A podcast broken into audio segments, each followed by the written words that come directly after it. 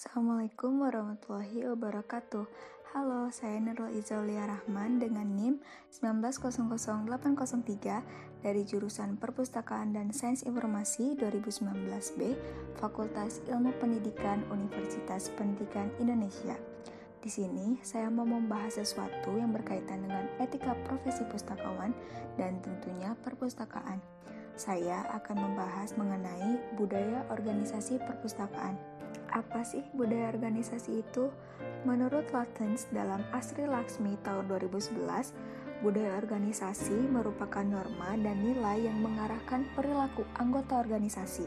Setiap anggota akan berperilaku sesuai dengan budaya yang berlaku agar diterima oleh lingkungannya. Dan menurut Sutrisno eh, tahun 2010, budaya organisasi adalah sebagai perangkat sistem nilai-nilai atau values norma-norma beliefs, asumsi assumption, atau norma-norma yang telah lama berlaku, disepakati, dan diikuti oleh para anggota suatu organisasi sebagai pedoman perilaku dan pemecahan masalah organisasinya.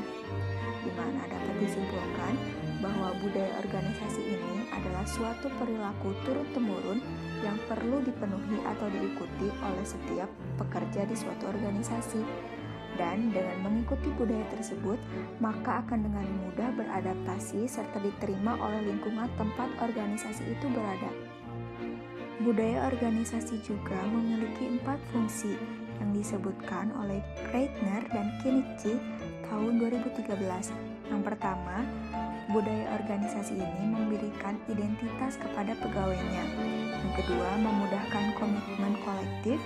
Yang ketiga, mempromosikan stabilitas sistem sosial. Yang keempat, membentuk perilaku dengan membantu manajer merasakan keberadaannya.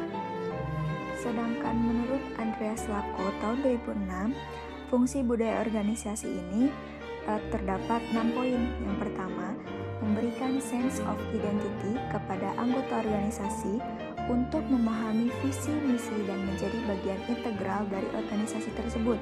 Yang kedua, menghasilkan dan meningkatkan komitmen terhadap misi organisasi. Yang ketiga, memberikan arah dan memperkuat standar perilaku untuk mengendalikan pelaku organisasi agar melaksanakan tugas dan tanggung jawab mereka secara efektif dan efisien untuk mencapai tujuan dan sasaran organisasi yang telah disepakati. Yang keempat, membantu dalam mendesain kembali sistem pengendalian manajemen yang kelima, membantu manajemen dalam penyusunan skema sistem kompensasi. Yang keenam, sebagai sumber daya kompetitif perusahaan apabila dikelola dengan baik. Lalu, ada jenis budaya organisasi.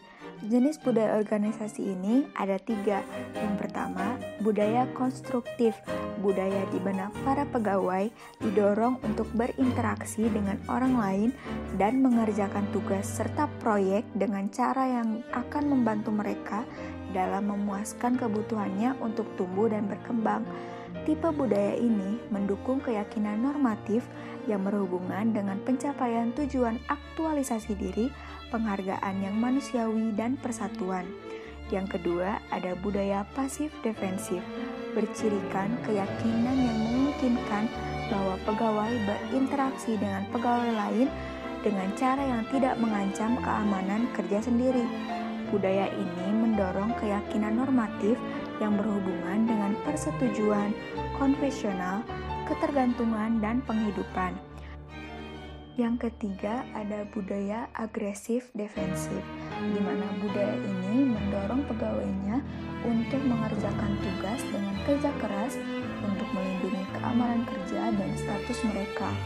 Tipe budaya ini lebih bercirikan keyakinan normatif yang mencerminkan oposisi, kekuasaan, kompetitif, dan perfeksionis.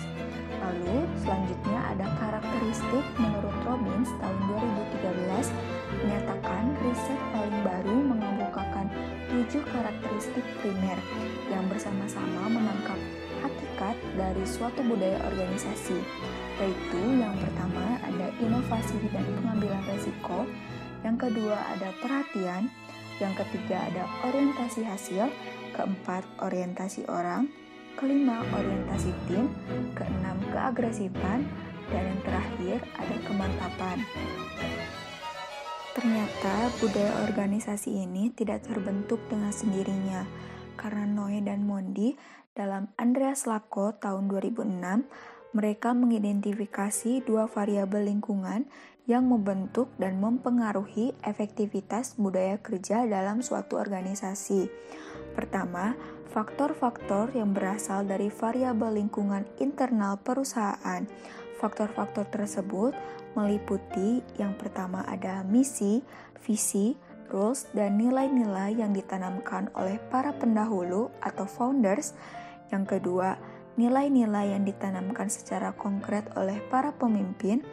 Yang ketiga, ada komitmen, moral, etika, serta suasana kekerabatan dari kelompok-kelompok kerja. Yang keempat, ada gaya kepemimpinan manajer. Dan yang terakhir ada karakteristik organisasional seperti bentuk dan aktivitas utama, otonomi, dan kompleksitas perusahaan, sistem penghargaan, sistem komunikasi, konflik atau kerjasama, serta toleransi terhadap resiko dan proses administrasi perusahaan. Yang kedua, ada faktor-faktor yang berasal dari lingkungan global, seperti kecenderungan perubahan ekonomi, tuntutan hukum dan politik, tuntutan sosial, perkembangan teknologi manufaktur, transformasi teknologi informasi, dan perubahan ekologi.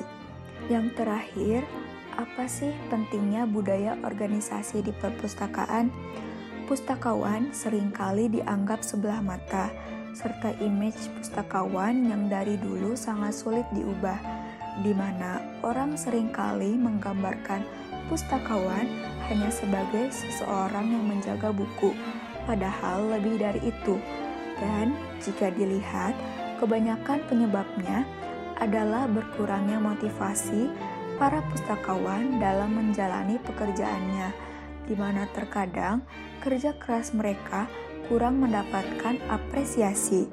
Maka dari itu, budaya organisasi perpustakaan ini perlu dipahami, di mana dengan adanya budaya organisasi perpustakaan yang menonjolkan peran para pustakawan dan berbagai manfaat perpustakaan kepada masyarakat luas, tentunya akan menghasilkan timbal balik yang baik bagi perpustakaan dan juga pustakawan itu sendiri, serta dapat meningkatkan profesionalitas kerja seluruh karyawan perpustakaan. Nah, mungkin segitu dulu mengenai budaya organisasi perpustakaan ini. Saya Nurul Izah pamit undur diri. Mohon maaf bila banyak kesalahan. Wassalamualaikum warahmatullahi wabarakatuh.